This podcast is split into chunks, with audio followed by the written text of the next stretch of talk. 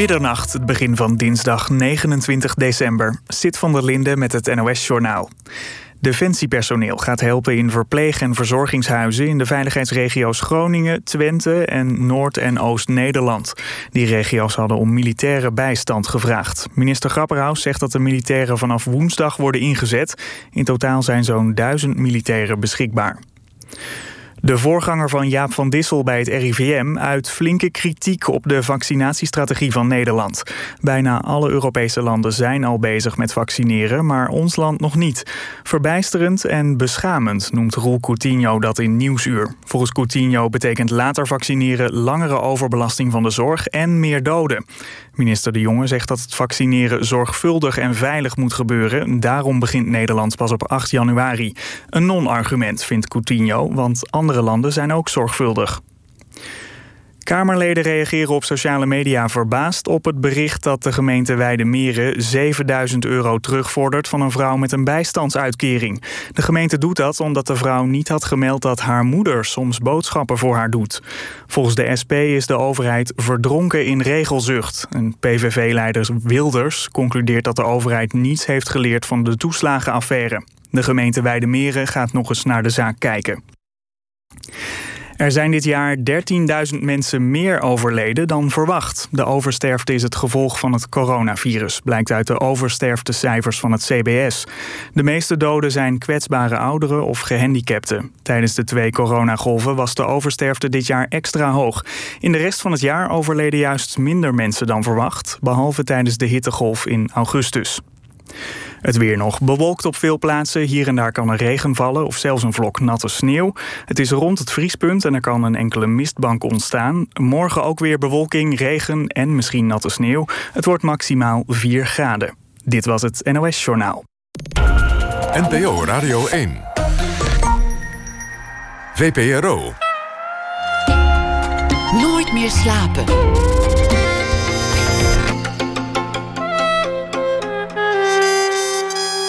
Met Pieter van der Wielen. Goedenacht en welkom bij Nooit meer slapen. Het grote tellen is begonnen. 2020 loopt dan toch op zijn eind. Sterkte aan alle cabaretiers die daarvan wat moeten maken in hun uh. Die nog met een woordspeling over COVID moeten komen die we nog niet gehoord hebben. Of een uh, vrolijke noot van hoop moeten vinden. Sterkte ook aan de makers van de eindejaarsbijlagen.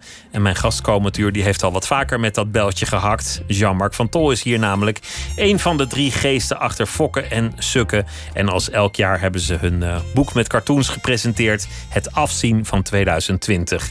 Het vat al die momenten van het rampjaar samen in één bundeltje. De missie voor dit jaar was eigenlijk om een historische roman te schrijven. Het tweede deel van een trilogie over dat andere rampjaar. Erger, maar dan ook wel langer geleden, 1672. Maar ook dat project werd getwintigd. Jean-Marc van Tol is geboren in 1967. Welkom. Leuk, ja. Was, was het toch nog een beetje een leuk jaar eigenlijk? Ja, wel. Ja, het was een bijzonder jaar. En zo maak je ook weer nieuwe dingen mee. En dat maakt een jaar ook alweer leuk. Uh, maar het was totaal anders dan ik me had voorgesteld. Dat geldt voor iedereen. Ik, ik merk dat, dat, dat het niet altijd uh, aanvaard is om te zeggen... als je dan toch nog best een leuk jaar hebt gehad. Oh, echt waar? Ja. ja dat, dat, dat je dan meteen een somber gezicht moet trekken. Terwijl, ja, je mag ook best uh, een leuk jaar hebben. Ook al heeft de rest van de wereld dat niet. Nou, ik heb wel de mazzel gehad dat je veel fijne mensen om je heen hebt... en dat je lekker thuis kan zitten. En ik werk normaal ook al thuis, dus in mijn werksituatie is er niet zo heel erg veel veranderd. En uh, ja, ik heb ook wel dingen geleerd eigenlijk. Um, wat, wat, dit jaar wel heel erg duidelijk maakte, was dat het niet alleen maar om jou gaat, maar ook om anderen. En dat wist ik natuurlijk al. Maar nu met dat virus kreeg ik het steeds meer in de gaten. Dat er heel veel andere dingen meespelen. Uh, met, met, meningen of hoe je er tegenaan kijkt. En dat vond ik wel heel erg fijn. En uh, in het begin had je ook die, uh, die, uh, ja, die ja, gezamenlijkheid waarin we dit allemaal uh, moesten dragen. En dat vond ik wel echt iets moois hebben. Ik, heb, ik zat in Barcelona aan het begin van de pandemie. En we zaten in een zijstraatje van de Rambla. En dan hoor je opeens om acht uur iedereen klappen en zingen. En dat was zo mooi. Terwijl die hele Rambla was helemaal uitgestorven. En dat zat je nog best wel laat in het jaar in, in, in Barcelona. Toen ja, ik zat in februari en we zouden daar een half jaar gaan uh, om te gaan schrijven. Ik en mijn vrouw. En daar, uh, ik zou daar verder schrijven aan mijn trilogie. En een beetje afgezonderd van het elke dag het nieuws. Dus gewoon lekker in je eigen wereldje gaan zitten. Een heel mooi appartement, uh, Zijstraat van de Rambla. En dan s'avonds leuk terrasjes en zo. Nou, dat ging al heel snel voorbij. Alles ging opeens dicht. En in Barcelona was die lockdown veel harder en veel erger dan hier in Nederland. Als je daar met z'n twee op straat ging, dan werd je meteen aangekeken. En soms stond ik uh, buiten zo'n supermercado te wachten. En soms ging mijn vrouw even boodschappen doen. En dan werd je aangesproken door de Cardia Civiel. Van wat, wat doe je hier? Weet je? Ja, en dan, ja, gelukkig ging dat, liep dat wel steeds goed af. Want ik dacht van straks worden nog uh, in elkaar geslagen op deze Spaanse politie. Terwijl hier was men nog aan het hossen en carnaval vieren. En skivakanties aan het doen en zo. Dat was daar op dat moment niet. Wij liepen achter, wij vierden nog carnaval. We dachten dat het allemaal zo'n vaart niet zou lopen. Ja, ik, maar ik dacht zelf eigenlijk ook wel hoor. Ik dacht ook van, ah, joh, dat is binnenkort wel afgelopen. Weet je wat, we zitten hier prima in dit appartement. We gaan lekker schrijven. Uh, weet je wat, het komt allemaal goed. En dan in april gaan we gaan de restaurants weer open. En dan gaan we gewoon leuk uh, Barcelonees uh, leven. Maar toen bleek dat er allerlei vliegverboden kwamen en reisverboden. Dat je niet eens meer uh, stel dat je niet mocht vliegen, uh, dat je dan niet over het land uh, naar het thuisland komt, naar Nederland. En ja, we hebben natuurlijk allemaal mensen om ons heen die kwetsbaar zijn. En toen dacht ik van ja, weet je wat, laten we toch maar teruggaan. En met het allerlaatste vliegtuig dat toen nog vloog, de volgende dag was het echt af, 13 maart of zo, 14 maart zijn we teruggevlogen naar Nederland. En het was hier een totale vrijheid. En iedereen was blij. En geen mondkapjes. Het was allemaal, nou ja, één groot feest eigenlijk. Vergeleken met de lockdown in Spanje. En, uh, en ja, ik vond dat wel, wel bijzonder eigenlijk. Dat je dan ziet hoe dingen anders worden beleefd door heel veel andere mensen. Het is ook terug te vinden in jullie boek Het Afzien van 2020. In het begin nog een beetje gekscherend. Ja, het heeft iets exotisch. Een beetje grappen maken. Over Chinezen en vuurwerk. Ja. En oh, worden we ook hier weer door getroffen en zo, weet je wel. En, uh, en eigenlijk we hadden het wel al snel in de smiezen, maar echt niet dat het zo groot zou worden dat het hele jaar zou gaan overheersen. En als mensen nu zeggen, oh naïef, dan denk ik, nou, ik kan me niet geloven, ik kan maar niet geloven dat andere mensen dit wel wisten. Dit, niemand wist het toch? We wisten toch niet dat dit onze, onze leven zo zou gaan veranderen? Of jij wel? Nou, ik, ik had wel een soort ongerustheid. En, en ik heb het, maar goed, dan ben je ook weer natuurlijk een slappeling. Want dan zegt iemand: dat boekenbal, zou je dat nou wat doen? Nee, ja, misschien. Maar je ja. gaat toch. Nou, ik, nou, ik zat toch. toen net in Barcelona, maar mijn maten John Reed en Bastiaan Glijnsen zijn wel geweest. En die hebben vrij lang staan praten met mensen waarvan achteraf werd gezegd: ja, die hebben corona of die hebben corona gehad. En ik ken ook mensen die daar waarschijnlijk uh, corona hebben opgedaan en dat nog steeds last van hebben eigenlijk. Uh, en, uh, ja, dat... Het was achteraf onverstandig. Iedereen stond dicht op elkaar. Altijd op elkaar. En, en te dansen, ja, en dat midden in een, in een pandemie. Ja, dat, ik, ik, ik zat in Barcelona en dacht... Eh, ik ben al niet bij het boekenbal voor het eerst in 25 jaar. Ik vind het wel echt heel erg jammer. Maar achteraf uh, was het dus best een goede keuze om dan uh, niet daarbij te zijn. Dit is natuurlijk klein leed. Toen ik, toen ik ooit... Nou, toch niet helemaal. Want het gekke is... Ik heb door... Dat is het tweede wat ik wil zeggen van dit jaar wat ik heb... ja, dat dat namelijk, ik stond ook uh, bij Lowlands uh, toevallig in augustus. Ik zou daar als artiest uh, bij zijn en ik had zo'n huisje gehuurd. En toen zijn we toch maar toch naar dat huisje gegaan. Ook al was er geen Lowlands. Er was geen Lowlands. We zaten opeens dus allemaal vakantievierende mensen terwijl wij gewend waren. En toen ben ik ook nog naar het Lowlands terrein gelopen. En dan sta je daar in het hele totaal lege Lowlands terrein. En ik ga er ook al 25 jaar naartoe. En ik dacht van, wat raar. Dit, dit gekke huis dat Lowlands is is een onderdeel van mij, is een soort onderdeel van mijn identiteit. Wat, is eigenlijk, wat mis ik eigenlijk nog meer wat onderdeel is van mijn identiteit? En dat zijn niet al die mensen die er rondlopen, het is niet de muziek, maar het is de hele cultuur. En toen merkte ik, ja, het heeft ook te maken met bijvoorbeeld in een kroeg staan, met wildvreemde mensen praten of nou, concerten. Weet je wel, ja, ik, ik, ik, ga niet elke week naar een concert, maar ik ga toch best wel vaak naar concerten. En dat heb ik allemaal gemist.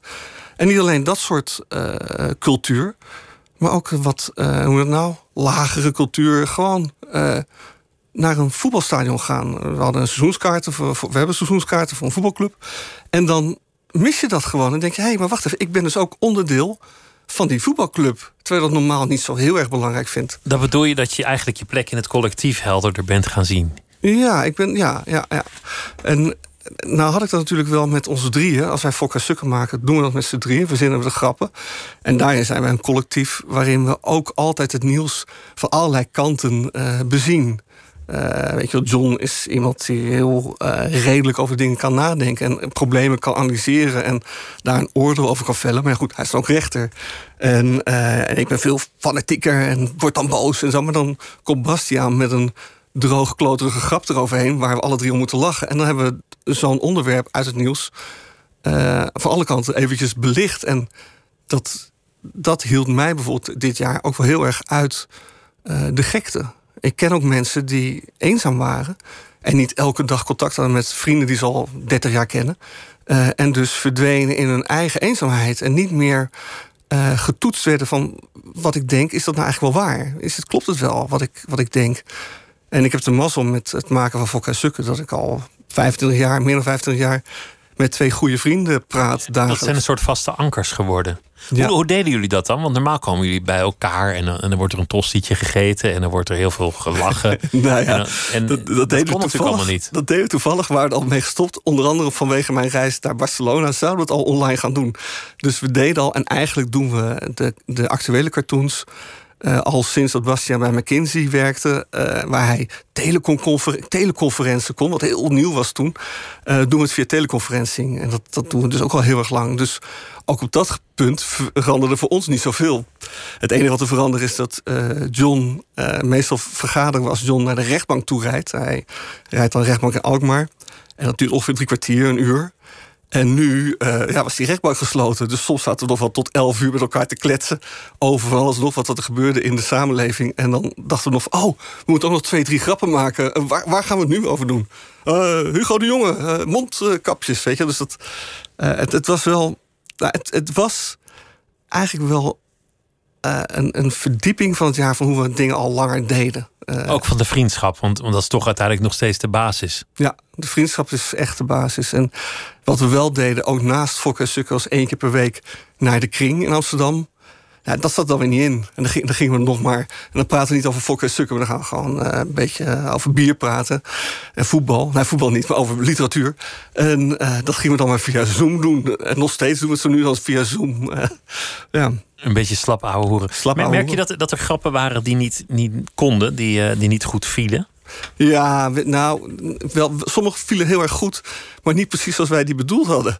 Uh, we hadden in het begin een grap gemaakt over, wie, uh, over die mondkapjes. Dat was, uh, jij, wie voor mondkapjes zwicht, die verliest lijven goed, dan dooft het licht. En dat was natuurlijk een beetje een parodie op mensen die dan heel erg ja, stellig zijn in zwart en wit en zo.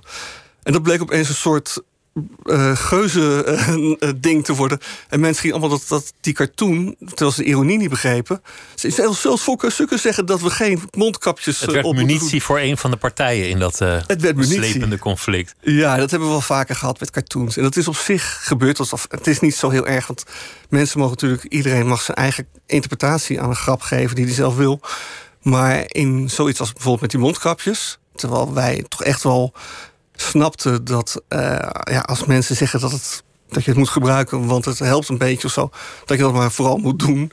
Uh, ja, dan, dan is het toch wel vervelend dat dat dan viraal gaat. Ik heb die grap ook niet opgenomen in, uh, in het, ons overzicht trouwens. Nou ja. Jawel toch? Hij staat er staat wel in? Ja, oh, heb, in de, heb ik in de tweede druk heb ik hem eruit gegooid. Oh ja, dan had ik de eerste alweer. Ja, het, uh, Collectors item. het, het, is, het, het is natuurlijk altijd wel wonderlijk. Het is een grote ramp. Mensen gaan failliet, mensen verliezen hun leven. Uh, mensen raken voor de rest van hun leven geblesseerd. Hun, gezondheid is in gevaar. Ja. Het, is heel ernstig. Het, leek wel, waar, waar anders een soort taboesfeer bij onderwerpen kan opkomen, vandaar maak je, maak je geen grappen over, dat er dit jaar juist heel veel behoefte aan was.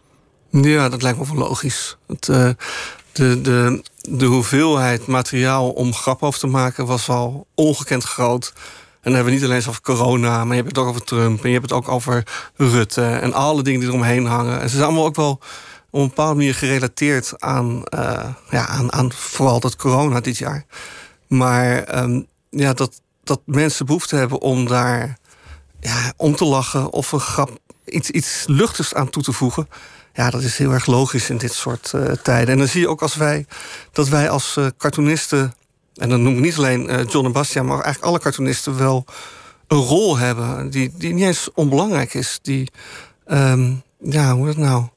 die de maatschappij een beetje smeerolie geeft. Waarbij mensen, sommige mensen boos kunnen worden. Of soms ook uh, troost kunnen vinden in zo'n cartoon. Of herkenning, of juist niet. Weet je wel. En dat is, dat is belangrijk. Um, en humor gaat vaak over het afwijkende. En dit jaar was veel afwijkend en veel wat altijd normaal had geleken veranderde. Dus dat is ook een voedingsbodem voor grappen. Ja, ja zeker.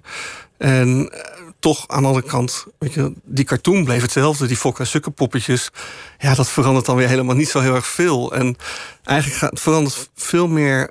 Nou, wij, wij, hebben um, steeds meer met z'n drieën ingezien dat er uh, zoveel meer kanten aan allerlei uh, humor is. En waar we vroeger nog was gewoon een grap over een lekker wijf konden maken met grote tieten. Weet ik wel zoiets. Dat, deden we wel eens als dan nou, bij gelijke keuze eh, kiezen we voor de vrouw met de grootste titel of dat soort dingen.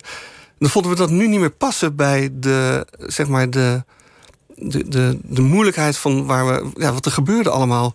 Dus, die dus- twee vogeltjes worden geleidelijk ook volwassen. Ja. Minder ja, studentico's. Ja, ja, dat is wel, dat begint er toch wel een beetje in te slopen na Daar sluipen je, na 25 je lang tegen verzet. Ja, en, en, en, ondertussen hebben we tot ook weer dit jaar voor Propiacurus, uh, waar we ooit begonnen zijn, gewoon een cover gemaakt met uh, een anale seksgrap of zo. Weet je? Dan, maar daar moesten we wel eventjes voor gaan zitten. Nu even niks over corona. Uh, dus ehm, ja, we, kunnen dat nog wel.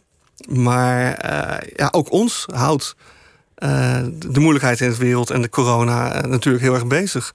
Hoe, is, hoe heeft het al die jaren spannend kunnen blijven? De vriendschap, de samenwerking, ja. het maken van de, de cartoons. Spannend is niet helemaal het goede woord. Want niet iedere relatie hoeft helemaal spannend te zijn in de relatie. Weet je? Maar het, het komt doordat wij uh, altijd nog steeds in staat zijn om elkaar te verbazen. Om, uh, er komt altijd wel weer iemand. Nou, bijvoorbeeld Bastiaan is wel iemand van de, de beta-kant en de grafiekjes met allerlei input. Waar de ander dan denkt van, oh ja, nee, zo had ik er nog niet over nagedacht. En dan, dan, dan kan John weer juist komen met een, ja, rechters doen het altijd. Die hebben altijd voorbeelden te over. Uh, dat noemen ze dan uh, jurisprudentie. Maar ze hebben altijd wel voorbeelden van dingen die, gevallen, die gebeurd zijn. En zeker als rijdende rechter maakt je van alles nog wat mee.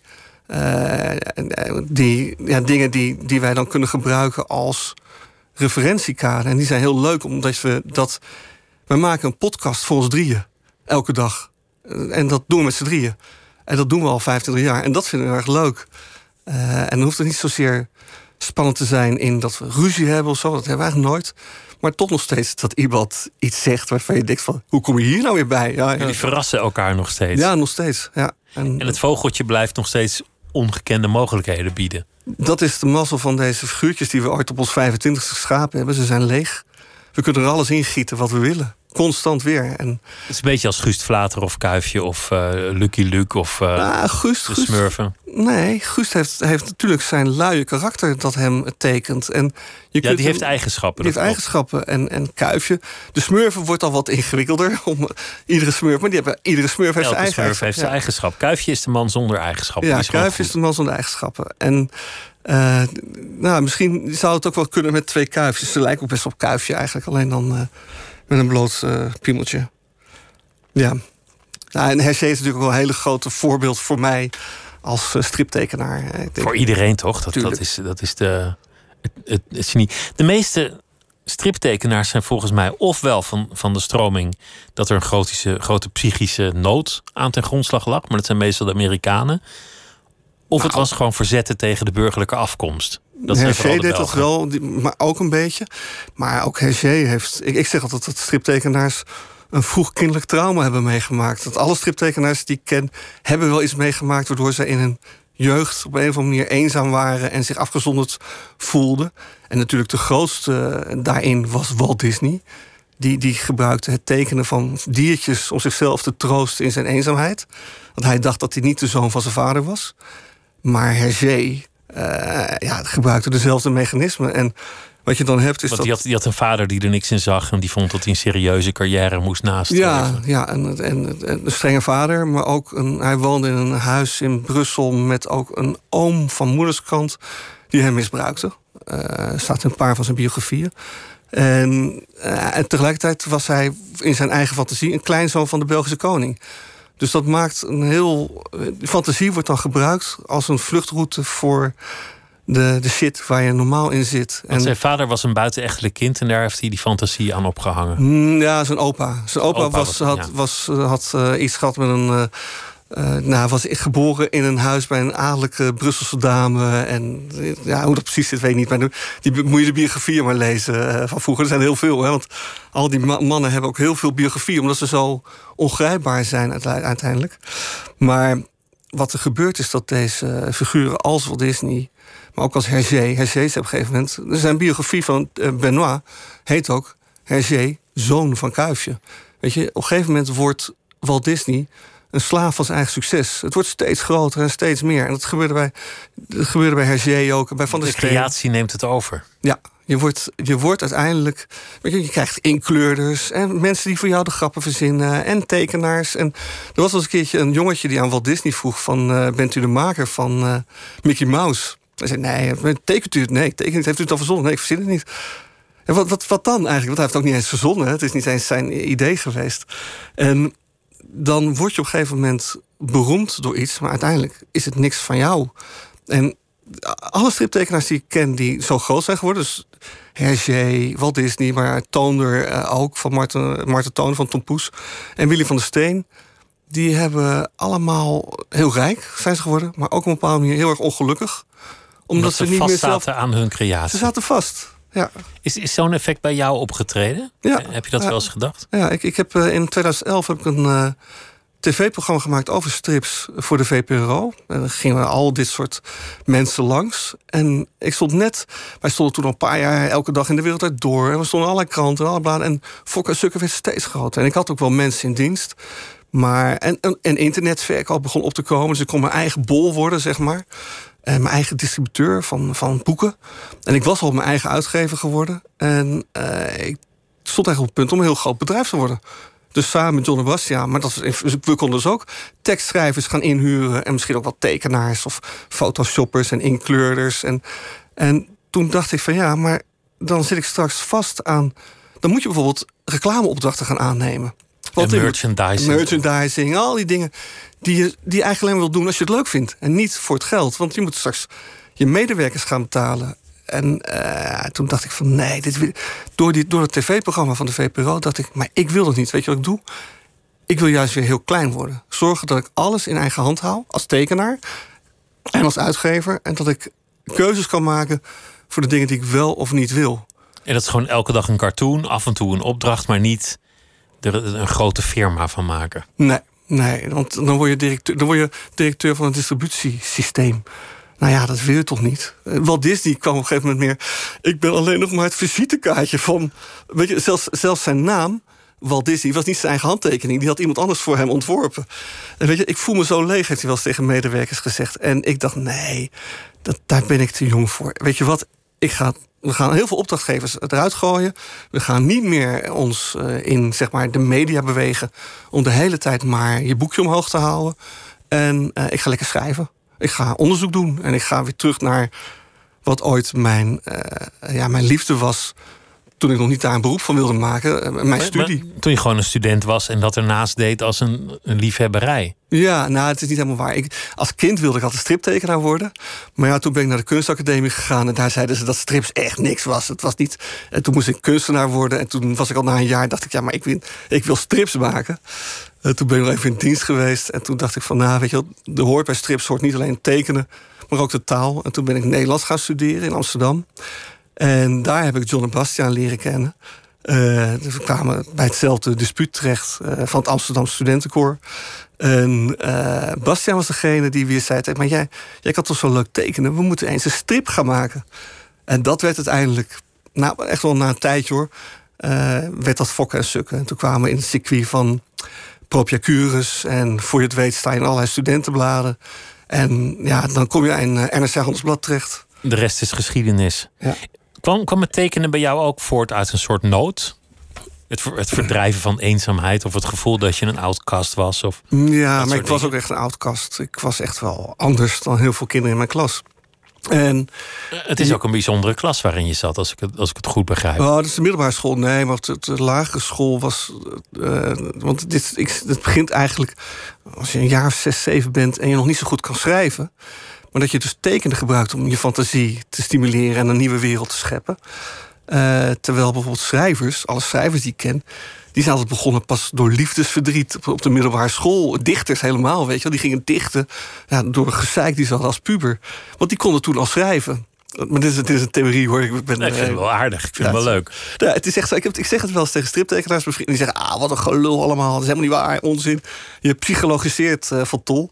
Uh, ik zei het keer tegen een bekende striptekenaar. En toen zei zijn vrouw, ja, ja, ja, hij zegt wel dat het allemaal onzin is. Maar toen hij zeven was, heeft hij wel een half jaar in een ijzeren long gelegen. Heeft hij alleen maar getekend. En dat is een van de grootste Nederlandse striptekenaars geworden. En voor mijzelf, uh, ja, ik, ik ben... Uh, nou, mijn, mijn probleem was eigenlijk mijn manisch-depressieve moeder. Was een, ja, die was niet heel erg stabiel, zeg maar. En dat betekent ook dat, dat je als kind niet heel erg stabiel opgroeit. En dat je daarvan wegvlucht in je eigen, eigen wereldje. Een niet echt veilige omgeving? Nee, niet echt veilig. Ook niet onveilig. Dat is het probleem ermee. Het was niet puur onveilig, maar het was gedesorganiseerd. Onvoorspelbaar. Onvoorspelbaar. En dat maakt, dat is eigenlijk wat veel striptekenaars hebben, die ik ken. Die zijn onvoorspelbaar. Ze zijn ook in hun hechting, uh, dus hun, hun hechtingsverhaal, vaak heel onvoorspelbaar. En dat maakt ze ook weer interessant. Want dat is in feite ook wat humor is. Humoristen hebben dat ook. Je moet op een bepaalde manier verrassen. Ik zei net tegen jou dat ik het zo ontzettend leuk vind dat John en Bastiaan mij nog steeds kunnen verrassen. En ik hun ook. En dat komt natuurlijk doordat je uh, onvoorspelbaar bent. En dat, daar zit iets van je jeugd in, denk ik. Dat je nog durft te ontwrichten en het van de andere kant durft te zien. Maar was je vader dan ook afwezig? Ja. Wat was zijn strategie?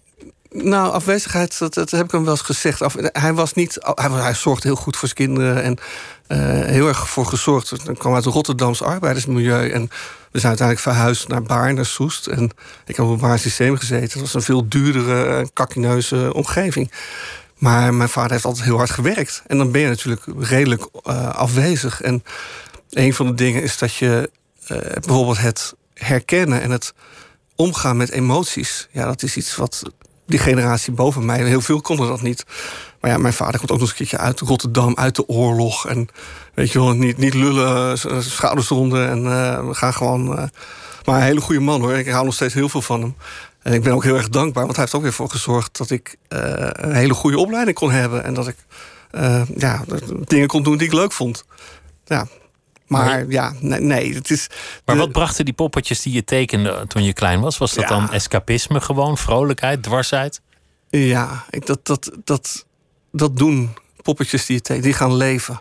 En ze worden opeens worden ze meer dan die verhaaltjes op papier. Ze worden opeens uh, hetgene waar je de hele dag mee bezig bent in je hoofd. En dan kan je natuurlijk heel veel dingen aan. Want jij weet dat je ook bezig bent met een verhaal met allemaal ja, strips. Ik was beleefde hele avonturen.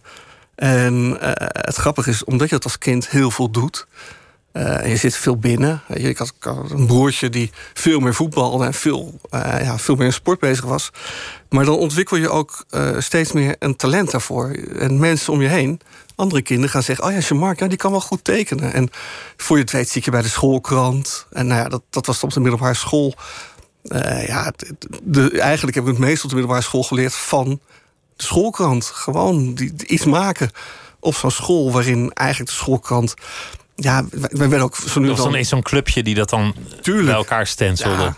Ja, en maar het grappige is van zo'n hele clubje van die schoolkrant... er zitten drie uh, schrijvers bij. Gewoon doorgebroken uh, literaire schrijvers. Giphart zit daar tussen. Giphart en uh, Bert Natter. Maar een andere, Erik de Koning is ook een schrijver. Nou, ook tekenaars. Allemaal mensen die iets kunnen. Uitgeven, Lotje Rap zat er ook bij. En, en dat was in die tijd op het Basis waren wij een beetje de rebelse jongens en meisjes... Uh, en nu nog steeds wordt er door leraren over ons gesproken van... maar dat was toch wel een hele leuke tijd, wat jullie allemaal deden. En het is nog steeds zo. Hè? Je hebt bijvoorbeeld uh, op het Baars heb je nog steeds de interlyceale. Dat is een wedstrijd tussen de vijf oudste lycea van Nederland. En dat heb je zowel op sportgebied als op artistiek gebied. En op sportgebied waren we natuurlijk ook bij als schoolkrant...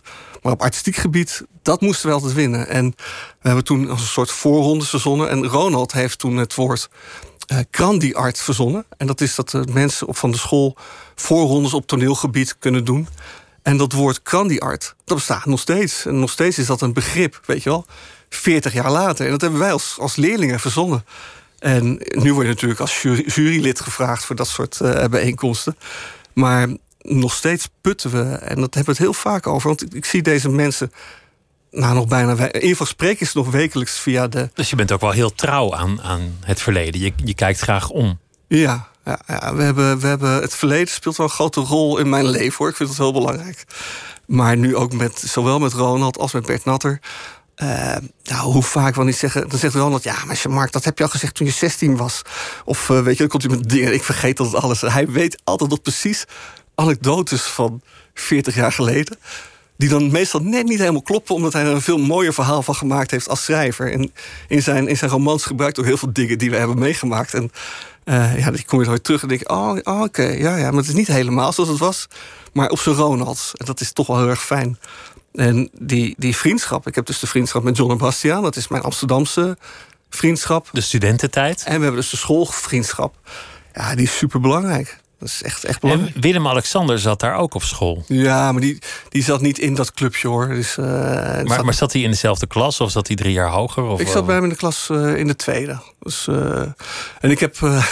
ik had, Want je hebt je boek aan, aan zijn dochter Amalia heb ik ja, omdat Amalia van Soms erin voorkomt, heb ik het boek Mus aan Amalia opgedragen. En heeft ook nog een, mooi briefje op teruggeschreven. Uh, met nog een grapje erin, een dingetje handgeschreven. Of, maar ik moet wel zeggen, weet je, je bent veertien en je zit in de klas bij de kroonprins, maar na twee weken is dat al een normaal feit geworden. En eigenlijk vind ik het ook best wel stom dat dit dan weer na zoveel tijd, weet je, bijna 40 jaar later nog steeds een, een soort wapenfeit is. Terwijl ik zat ook in de klas met heel veel andere mensen. Die... Nou, wat er interessant aan is, is dat, dat die geschiedenis jou zo interesseert. En, en hij werd later historicus, dus bij hem moet het er ook in heb... zijn geraakt. Maar, maar jij schrijft erover in, in het voorwoord dat je wel jaloers was dat hij toen al zoveel geschiedenis kreeg en zoveel toegang had tot archieven en bronnen. Ja, maar hij, en hij, heeft natuurlijk ook geschiedenis gestudeerd. En ja, ik zou helemaal gek worden als je je eigen geschiedenis, als die zo goed bewaard is. Van je eigen familie, van je, eigen, van je, familie, je eigen voorgeslacht. Maar er zitten delen in het Koninklijk Huisarchief, wat uh, tegenwoordig heet dat Koninklijke Verzamelingen, waar, waar mensen niet bij mogen. Maar ja, de koning wel. Dus ik zou helemaal gaan uitpluizen hoe het op ons zat. Met jouw voorouders en zo. Maar dat is niet helemaal uh, des Willem-Alexanders volgens mij. Dat, ik bedoel, dat is niet uh, de, de manier waarop hij zijn koningschap invult. Maar goed ook. Maar uh, ik zou het wel op die manier doen. Ik zou alles nagaan. Want, jij wordt diep gelukkig van een, van een stoffig oud boek met handschriften. Ja, ja. Ik zit normaal, als het geen coronatijd is, zit ik zeker wel nou, één keer in de twee weken of zo in het Nationaal Archief. En met een groep van het Huygens Instituut onderzoeken we um, de briefwisseling van Johan de Wit. En die heeft ongeveer 35 à 40.000 brieven nagelaten. Dus de raadpensionaris uit de 17e eeuw. Hij is in 1672. Jij refereerde net al aan het rampjaar is hij natuurlijk naar aan zijn einde gekomen. Toen er net zulke dingen gebeurden als nu, zeg maar.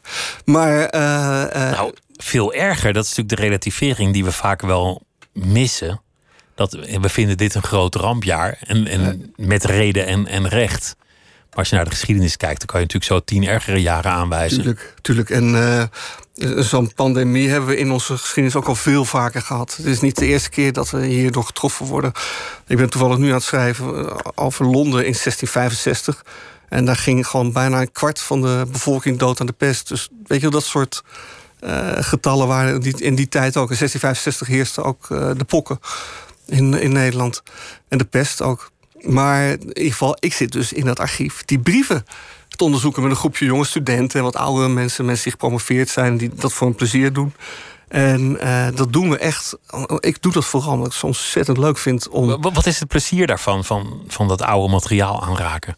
Nou, je, je, je zit dus. Want doordat hij opeens uh, gedood is, is zijn hele briefwisseling in beslag genomen.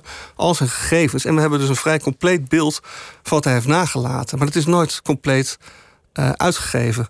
En dan zit je met, soms met brieven die geweldig zijn. Dat je denkt van wauw, hoe kan het dat Johan dit al zag en geschreven had? Uh, en, die, en dat is dan een brief die nooit is uitgegeven of nooit is onderzocht. Want van die 35.000 brieven zijn ongeveer 3.000 in druk verschenen. En dus heel veel niet. En ik vind dat wel heel tof. Ik vind het altijd fijn om met iets bezig te zijn waarvan eigenlijk niemand weet dat je daarmee bezig bent. Het is al sowieso al heel moeilijk om die, die lettertjes te lezen, weet je wel? Die, die paleografie van die, die. Dat gepriegel. Dat gepriegel. En ja, als je dat kan, heb je al een streepje voor. En dan zit je in het archief. En opeens is de tijd voorbij.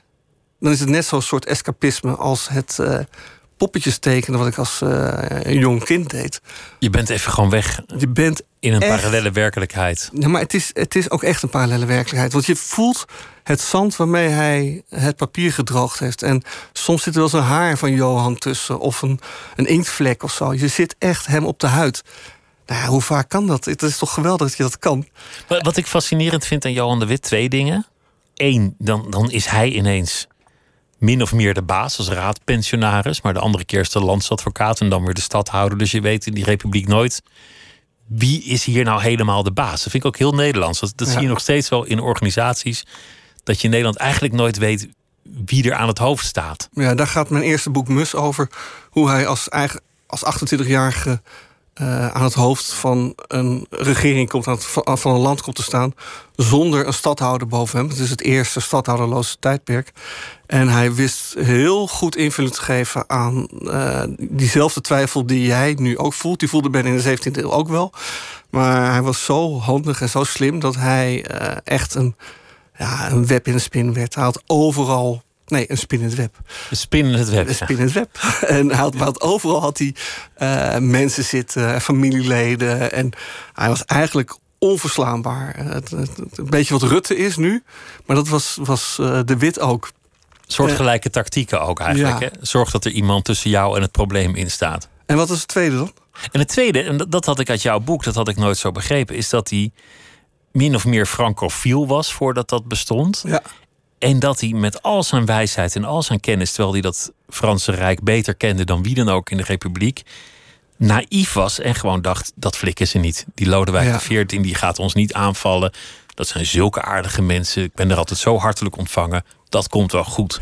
Ja, dat staat echt in het boek dat we dit jaar hebben uitgegeven. Johan de Wit in Frankrijk. Dat is een boek waarin we een Waar jij de tekeningen bij hebt gemaakt? Ik heb tekeningen gemaakt. En uh, een van de brieven gaat er ook over. En dat is een, de zoon van Hugo de Groot. Pieter de Groot is dan ambassadeur. Is een vriend van Johan de Wit. Ambassadeur in Frankrijk. En onder zijn neus heeft de Engelse koning en de Franse koning, Lodewijk XIV en Charles II, hebben uh, een geheime afspraak van Dover gemaakt. Waarin ze op een gegeven moment zeiden van nou weet je, die burgerjongen, die de wit, die gaan we wippen. Die, die moet Europa uit. En het is eigenlijk gelukt. Maar die Pieter de Groot zei: nee, het dit is echt niet waar. Uh, het ligt zo ver uit elkaar als het oosten van het westen en zo. En ja, Jan de Wit was in zijn vroege jaren als student, uh, na zijn studie, was, hij, had hij een grand tour gemaakt door Frankrijk. Meestal gingen ze ook naar Italië, maar dat heeft hij niet gedaan. Hij is ook nog een kortere tijd in Engeland geweest, maar hij is bijna twee jaar lang is hij in Frankrijk geweest. En daar heeft hij ook in het Nationaal Archief liggen die ook, liggen daar boekjes die hij heeft achtergelaten van alles wat hij daar, wat hij bezocht heeft en hoeveel mijl hij gelopen heeft. En uh, ja, je moet niet vergeten dat de Republiek was op dat moment heel erg belangrijk. Uh, en Engeland natuurlijk ook, maar Frankrijk ook. En het was de opkomst van uiteindelijk uh, de zonnekoning, Lodewijk XIV. Die is ten tijde van Jan de Wit is die opgekomen. En iedere keer moest Johan onderhandelen met de Fransen als er weer iets gebeurde. Omdat hij toch wel heel erg uh, ja, in zijn rug gesteund wilde worden door dat grote land uh, Frankrijk. Want hij wist, als wij de steun van Frankrijk verliezen ja, dan, dan hebben die Engelsen zo Vlissingen te pakken en de, de rest van eh, de republiek. En dat is uiteindelijk, uh, ja, die Charles en, uh, en Lodewijk waren neven van elkaar. Ja, en die moesten natuurlijk uiteindelijk allebei niks hebben van ja, deze gewone man. Weet je, dat is adel tegen een burgerman. En, dat heeft hij niet gezien. Het was ook ijdelheid in die zin. Ja, nou, wel, nou ja, mijn hele trilogie werkt er naartoe van waarom hij dat niet gezien heeft. In het derde deel, dat Willem heet, uh, dan heeft uh, Johan de Wit heeft een moordaanslag overleefd in 1672, in juni. Dus voor de moordaanslag in augustus. hij ligt ziek op bed. En hij begrijpt werkelijk niet waarom hij niet als raadpensionaris door mag. Hoe het nou kan dat er zoveel mensen tegen zijn beleid zijn. Terwijl hij zoveel voorspoed heeft gebracht in de Republiek. En dat er zoveel leugens over hem verteld worden. Er werd onder andere verteld vanuit zijn vriendschap met Frankrijk... van u bent, uh, je had toen pamfletten... Uh, Jan de Wit is omgekocht door de Fransen. En dat was een soort Twitter. Jan de Wit, 300.000 gulden heeft hij gekregen van Frankrijk. En Jan de Wit ging toen daarop op reageren met een, een, boekwerkje van een pagina of 24... waarin hij ging uitleggen waarom hij niet was omgekocht. Terwijl die die pamfletjes die waren heel erg... ja, maar het is een verrader, hij moet, uh, hij moet aan de galgen zo, weet je wel. En zijn, zijn manier om erop te reageren was nog niet heel erg effectief. Uh, en ja, ik, ik weet niet zo goed... Ja, er zijn nog ik meer. vind de vergelijking met nu wel leuk eigenlijk, met, met al die parallele werkelijkheden. Ja, nee, die vergelijking is er ook echt. Alleen, uh, je kunt het rampjaar en nu om heel veel redenen met elkaar vergelijken. Maar om heel veel redenen ook niet. Het was natuurlijk wel heel anders. En ik hoop maar voor Rutte dat hij niet op het groene zootje aan, de, aan zijn voeten hangt. uh, Straks aan een, Op het Malieveld of met waar Hugo, was de, het? Hugo de Jonge. uh, op, het, nee, op, de, op, de, ja, op de Kneuterdijk zal. De Kneuterdijk was het, ja. Bij de Vijverberg. Ja, maar de, Dat zal wel dezelfde... loslopen, toch? En wat je toen ook heel erg had, was eh, de spinning. Er werd constant werden er fa- fake nieuws. Constant werden er verhalen in eh, en, en, en de media gegooid. waar je als politicus bijna niet tegen kunt verweren. In feite is dat ook zijn ondergang geweest. Want de broer van Johan de Wit, Cornelis de Wit. die werd achteraf onterecht eh, beschuldigd dat hij Willem III had willen vermoorden. En nou ja, een heel lang verhaal. Ik heb, ik heb in de archieven heb ik van de Rijksarchivaris heb ik de verho- verhoren mogen zien die eh, Cornelis heeft eh, ondergaan. Die, zijn, die, liggen daar handgeschreven, maar die zijn al een jaar of honderd niet meer eh, te bezichtigen, omdat ze heel kwetsbaar zijn. Omdat ze nog in de originele lias zitten, in zo'n vetetje. En ik heb ze allemaal gefotografeerd. En mijn derde deel gaat heel erg over dat, dat die ondergang en hoe dat uiteindelijk leidt tot de dood van een van onze grootste staatsmannen. Deel 1, daar, daar ademt het plezier echt uit. Van, van, van het schrijven, van het maken van dit soort historische romans. Dat, dat spat echt van de bladzijde af. Dankjewel. Ja. Is, is dit eigenlijk je grote roeping naast het tekenen?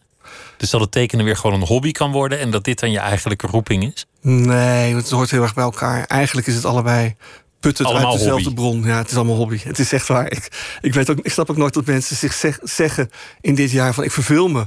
Of ik weet niet wat ik moet doen. Ik, ik heb echt ik, zoveel dingen die je kunt doen. Eh, ook aan de hand van bijvoorbeeld eh, dat schrijven. Je kunt iedere keer weer dingen uitzoeken en, en verder gaan en nadenken en dingen verzinnen en steeds weer iets nieuws eh, eraan toevoegen. Dat is zo Toch, heb je dat project nu uitgesteld. Nou, ik heb het nu. Ik kon bijvoorbeeld. Het Nassau Archief is dicht. Ik kon heel veel onderzoek niet doen. Dan moest je van tevoren, echt weken, van, maanden van tevoren, moest je je aanmelden. En dat is niet de manier waarop ik onderzoek doe. Het is toch veel meer eh, associatief. Je ontdekt iets en je wilt het dan meteen aanvragen en bekijken. En eigenlijk ook door dat corona eh, werd ik wel heel erg afgeleid. Ik zat toch de hele tijd toch weer te kijken wat er nu weer op de De persconferentie eigen werd gezegd. tijd won het toch een De, beetje. de eigen tijd won het dit jaar. Ja, maar het is niet zo erg. Want ik ben ook de uitgever. Dus ik heb eh, mezelf toestemming gegeven om het dan maar volgend jaar uit te brengen. Valt dat onder die gedachte dat je autonoom moet zijn? Want, want jouw uitgeverij heet Catullus. Dat is volgens mij ook zo'n bijnaam uit je middelbare schooltijd. Ja, ja, ja. De, de Ronald noemde me altijd Tulle. En Catullus is ook de naam waaronder ik eh, de kerstprijsvraag van Propiacurus heb gewonnen. Ik had een naam voor een uitgeverij nodig. En Ronald zei, ah Catullus. Want dat, klinkt ook een beetje literair. En, eh, eh, maar Catullus is natuurlijk ook een Romeinse dichter... die ik hartstikke leuk vind en hartstikke goed vind.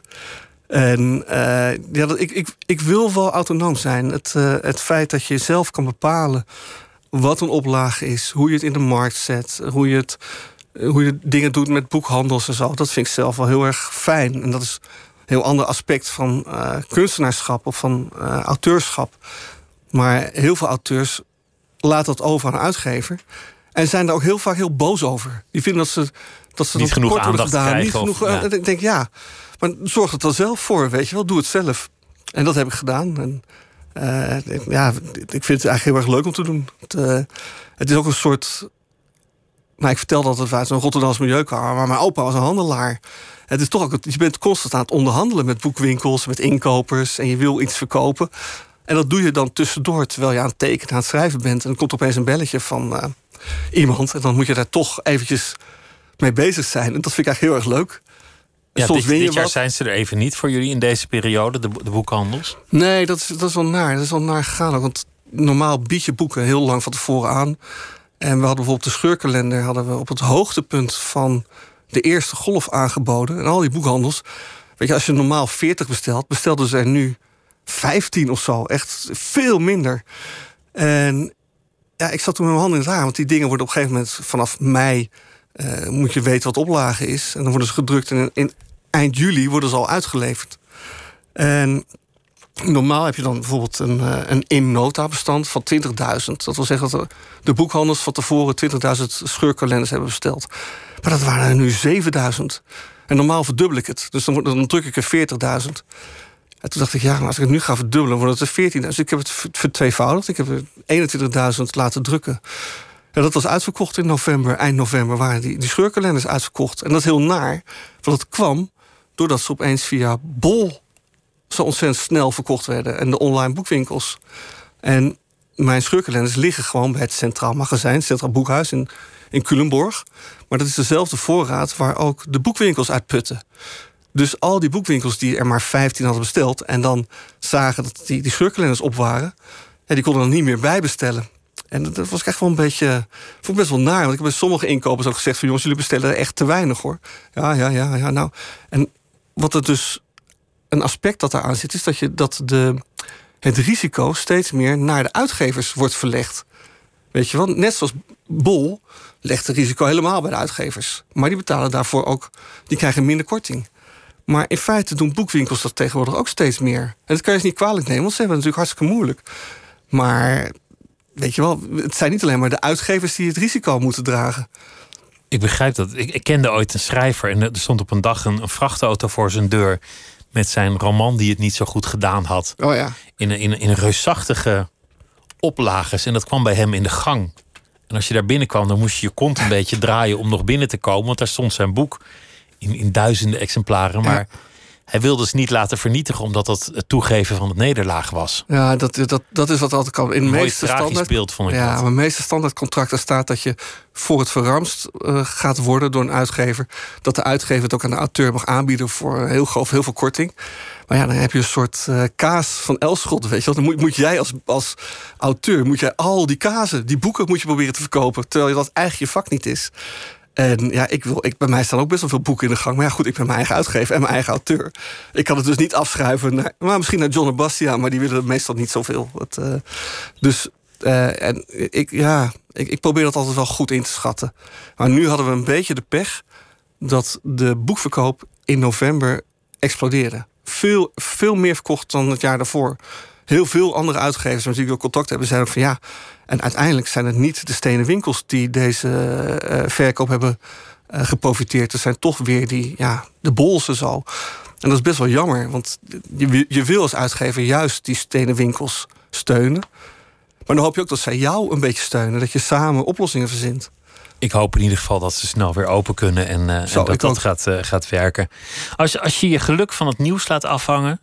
Ik kan me herinneren 2001, dan zeiden ze aan het eind van het jaar rampjaar, want 11 september. 2002 rampjaar, want Pim Fortuyn vermoord. 2003 rampjaar, want de Irak-oorlog. En ergens dacht ik van, zie je, je moet niet je geluk van het nieuws af laten hangen. Je moet, je moet toch ook gewoon je eigen bestaan, je eigen zegeningen tellen. Hopen dat je gezond blijft en niet failliet gaat en dat soort dingen. Ja, maar dan, dan denk je wel heel erg vanuit jezelf. En jij denkt nu net vanuit het collectief tegenwoordig. Dat kan. Je kunt dus ook wat meer uit, uit, je, uit het collectief denken. En dan hoeft het niet eens een rampjaar te zijn. Want dan kan het ook weer een, een nieuw begin zijn. En mensen kunnen ook weer nadenken... hoe gaan we het dan opnieuw doen? En hoe gaan we het beter doen? En, en dat zie je eigenlijk ook al. Je ziet ook, ook met die boekwinkels... die opeens in de gaten krijgen van... hé, hey, maar we kunnen het zelf op ons fietsje gaan rondbrengen. En dat levert er toch nog wel genoeg op. En dat, heeft een, een, dat is opeens wordt dat online bestellen iets lokaals. Nou, dat vind ik helemaal te gek. Dat is een goede ontwikkeling. Dat uit soort weerbaarheid is leuk om, om, uh, om naar ja, te kijken. veerkracht. En ja, natuurlijk, nou, dat rampjaar 2001... Ja, dat was ook echt wel een omwenteling. Uh, in ieder geval voor mij. Ik, ik had toch wel het gevoel van... hier gebeurt iets heel anders dan we al die jaren daarvoor hadden meegemaakt. Kijk je nog wel eens terug naar die cartoons van toen? Want, want toen deden jullie dat ook al. Ja, ja, ja we hadden, nou ja, goed, we hadden de cartoon die we toen hadden... was dat Fokker stukken sprakeloos naar de televisie zaten te kijken. Uh, op 11 september. En een dag later uh, zeiden ze van... oh, dus, dus we gaan niet naar het WK deze zomer. Want we waren net als Oranje verslagen voor het WK. En dat was wel... We hebben toen wel voor het eerst over nagedacht. We stonden nog niet zo heel erg lang in de krant. pas een jaar of twee. Van, hey, kan dit eigenlijk wel? kunnen we al grappen maken over zoiets ergs als een aanslag? En volgens mij was het Bastiaan zei van ja, maar wanneer moeten we het dan doen? Wat, hoe lang moeten we wachten? Is dat afhankelijk van de hoeveel. Wanneer mag het weer? Wanneer, wanneer mag het weer? Oké. Ja, en, en daar hebben we toen dat, die discussie hebben we met z'n drieën toen al heel erg gevoerd. En kwamen tot de slotsom dat het op een bepaalde manier kun je natuurlijk wel grappen over maken. Niet door de slachtoffers uh, te bespotten of zo, maar wel door het, het systeem aan de kaart te stellen. En uh, ja, dat hebben, we, ja, dat hebben we toen wel gedaan. En dat zijn we, daar zijn we later nog wel vaker op dat soort scharniermomenten. Dan, dan opeens, dan weten we, ja, maar nu doet het ertoe. Nu moeten we over nadenken of de grap. Nu moeten we met iets goeds komen als het over Charlie Hebdo gaat, bijvoorbeeld. bijvoorbeeld. Als je eigen beroepsgroep. Nou, dat, dat was Charlie Hebdo was een beetje ingewikkeld. Want ik zat, ik zat toen in het Nationaal Archief. Ik was helemaal afgesloten van de buitenwereld. Dus ik had geen telefoontje en ik had geen uh, internet en dingen. En de, jongens van Charlie Hebdo, wij gingen daarvoor altijd naar Angoulême. En het jaar daarvoor... Het grote stripfestival. Grote stripfestival. het jaar daarvoor had Bernard Holtrop, was president van uh, het stripfestival in Angoulême. En ja, ik had nog, we hebben toen nog ook. Bernard heeft toen nog de Focus Sukkers aan uh, Stéphane Charbonnier laten zien en zo, weet je wel. En dan zat je in de Chat Noir. En, en, ze voelden helemaal niks aan. Ze vonden het echt heel super stom. Ze moesten ook echt totaal niet om lachen. Niet hun humor, nee. Nee, toen ging Bernard ging nog uitleggen waarom het zo leuk was. toen moesten ze wel om Bernard lachen. Want die, Bernard werd tot ontzettend dronken op het festival. En, en, die werd steeds. Die gaat dan meer gesticuleren en dingen vertellen en zo. En dat is heel erg geestig, want hij kan heel goed vertellen. Uh, maar wij stonden niet in, uh, in Charlie Hebdo uh, daarna. Maar toen die aanslag was geweest. Uh, en Sharp ook vermoord was. Ja, man. En dus gewoon, gewoon van mijn leeftijd. Van gewoon dezelfde, dezelfde soort. Eigenlijk een beetje serieuzer dan wij hoor. Echt wel best wel. Bernard niet. En Wolinski was ook niet zo serieus. Maar die van onze leeftijd, die, die waren, dat waren best wel serieuze cartoonisten. Die vonden ook, ook wel intellectuelen. Heel intellectueel, heel erg intellectueel. Ehm, en op een bepaalde manier uh, intellectueler dan wij. Wij hebben met Fokker Sukker nog iets clownesk. Wij willen ook nog wel stomme dingen zeggen of een, een of andere woordspeling maken. En dat, dat soort humor, ja, dat snappen ze helemaal niet. Maar ja, maar toen die, die grap uh, op die dag, die, die was één dag te laat eigenlijk. Dat vond ik heel erg erg. Ik was toen ook wel heel erg ontdaan hoor. Ik was wel echt wel dat ik dacht van, jezus, nog steeds denk ik van welke mafkees had het nou in zijn hoofd om, weet je wel, schrijvers en cartoonisten eh, neer te maaien? Hoe, welke kronkel zit er in je hoofd om dat te doen? Ben je toch echt niet goed bij je hoofd. En hoe kan het dat het gebeurt? En we hebben natuurlijk ook Theo, Theo van Gogh meegemaakt hier. Die ook nooit dacht dat, het, dat hem zoiets af afkomen. En in Denemarken al die cartoonisten waar aanslagen op zijn gepleegd. Met gevolg dat wij als cartoonist altijd de vragen krijgen van journalisten: eh, wat is nou de grens van humor? Zou je een grap over. Uh, Want voortaan is er een grens voor er humor. Er is dus blijkbaar een grens. En die grens is er ook echt. Want het is. Weet je, kogels om je kop heen zijn echt wel een behoorlijke harde grens. Nou is het wel zo dat de manier waarop wij grappen maken, die past niet bij dat soort cartoons. Die, maar ja, weet je wel, uh, een goede collega van ons, Joep Bertrams, Weet je, zijn cartoon hing al vijf jaar achter in de klas bij een, uh, een Rotterdamse leraar. En opeens wordt die leraar bedreigd door allemaal mensen die die cartoon niet begrijpen en een heel andere ladingen aangeven. En dus dat, dat is heel naar. Het is hele want, want, zo verdwijnt de humor gewoon uit een samenleving. Nou, en met de humor nog veel meer. We hebben de mazzel, NRC Handelsblad, dat onze redactie, onze hoofdredactie, ons totale vrijheid gunt.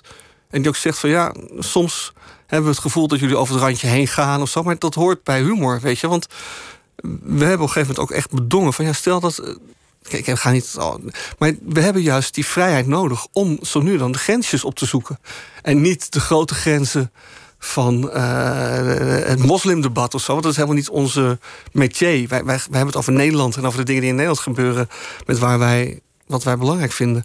Maar wel, ja, soms zijn er ook grenzen op het gebied van ja, culturele dingen en dingen die eigenlijk wel of niet aanvaardbaar zijn. Wat, wat in 2020 een, een terugkerend thema was, wat wel een beetje verwant is aan waar jullie vandaan komen. Het ging heel vaak over de studenten. Ja, nou, studenten nou, dat- die zich niet aan de maatregelen hielden, die toch gingen skiën, Vindicat, eh meerdere Ja. keren in opspraak. Eh, dat een meisje die dan filmde in, in, een, in een bus waar iedereen dicht op elkaar zat. Ja. Het zijn natuurlijk ook gewoon studenten, maar de ophef ging het hele jaar door stabiel toch over het studentenleven. Terwijl volgens mij de meeste studenten relatief braaf waren. Maar ik kan me vergissen. Nou, ik weet wel bij het Amsterdam Studentenkoor, waar de groentijd weer was natuurlijk.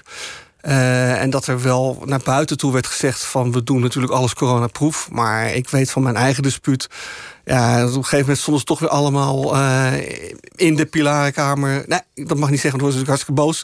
Maar natuurlijk, als je, Ja, als je twee, drie biertjes op hebt, vergeet je het. Ja, en dat, dat gebeurde. En wij hebben natuurlijk zelf ook kinderen in die leeftijd. En we weten heus wel dat, het, eh, dat er risico's aan, aan zitten en zo. Maar toevallig, aan de andere kant vind ik ook dat onze kinderen... en ook wel die studenten, jongens, het eigenlijk toch best nog wel goed doen. Weet je wel, Jezus Mina, je zit... Je moet nu tegenwoordig je colleges volgen via Zoom. En dan, je kan niet eens stage lopen. Dat doe je ook via internet. Je zit in je eigen kamertje. Nou ja, en dan kom je eens in zoveel tijd in een bus.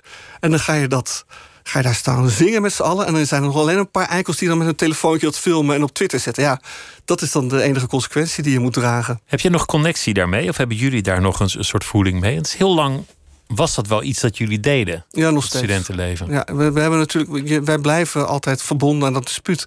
Dit is een dispuut waarin je voor, de rest van je leven eh, lid van bent, zeg maar. En eh, ja, volgend jaar is er gewoon weer het lustrum. Nou, ik ben blij dat het niet dit jaar was, want we hadden dat via Zoom moeten Dat- doen. Ja, via Zoom en Lustrum. Dat, dat, wordt, dat ook, kan niet. wordt ook En dat niks. is heel erg leuk want Dan komen alle nog levende HBA'en bij elkaar. En dan is er een groot diner. En daar is iemand die dat dan voorzit, die heel welbespraakt is. En die dat heel erg leuk doet. En er zijn allerlei aspecten aan zo'n lustrum ja, die ik heel erg leuk vind. Want het is ieder jaar, al sinds 1901, hetzelfde. Of 1906. Het verleden, traditie, clubjes, Ja. Dat ja, soort dingen. Het hoort er allemaal bij. Dat is echt geweldig. clubjes, man. Nou ja, dat is als bijvoorbeeld de, de huidige ambassadeur eh, van Frankrijk. Is een dispuutgenoot van mij. En zijn, is- die disputen die hebben ook altijd dat ze een oude, oude poep gaan vragen: van hoe is het nou om ambassadeur te zijn? En toen zei eh, Pieter de Gooijer, zo heet hij, zei van nou, komen jullie maar lekker met je, met je clubje bij mij.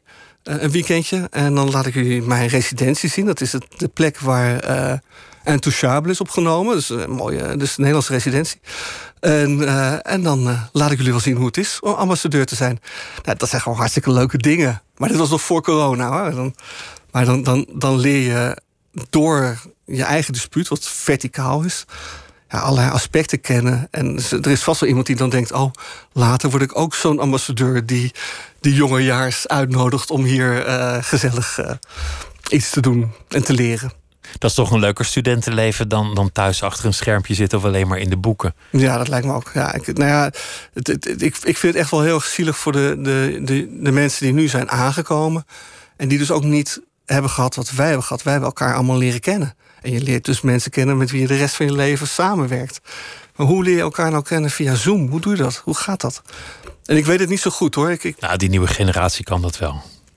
Ja, dat denk Die ik vinden wel. wel een manier om, om via het scherm alle, alles te doen, toch? Ah, ik kan me ook heel goed Kunnen voorstellen. wij dat je- ons niet meer voorstellen. Nee, maar eens in de zoveel tijd moet je toch elkaar zien. Ook al is het in een bus. Je moet elkaar eventjes kunnen voelen en kunnen, kunnen knuffelen en zo, weet je wel. En ik hoop echt dat het komende jaar wel veel meer van dat soort momenten weer eh, gaat opleveren. 2021 wordt een beter jaar. Prik je erin en eh, geleidelijk aan zal het beter worden. Ja, dat ik van we het hopen. Het was leuk dat je langs wilde komen. En het eh, boek dat is eh, verkrijgbaar online. Het afzien van 2020 van Fokken en Sukken. En eh, het was me genoeg om met je te praten. Jean-Marc Vertol, dank je wel. En graag tot de volgende keer. Ja, leuk, dankjewel. Morgen dan eh, is in Nooit meer slapen Kamervoorzitter Ariep te gast.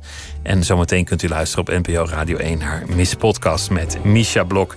En alle afleveringen zijn terug te luisteren via Twitter, via de vaste. Nee, via podcast, via de vaste podcastkanalen en de site van de VPRO. En wij zitten ook op eh, Twitter, het VPRO NMS. Goeienacht en graag weer tot morgen.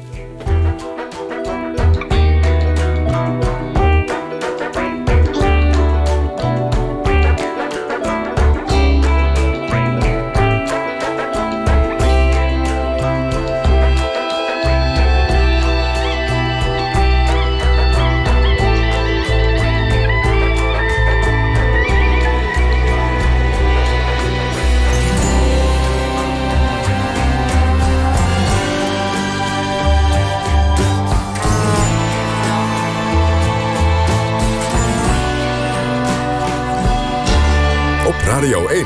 Het nieuws van alle kanten.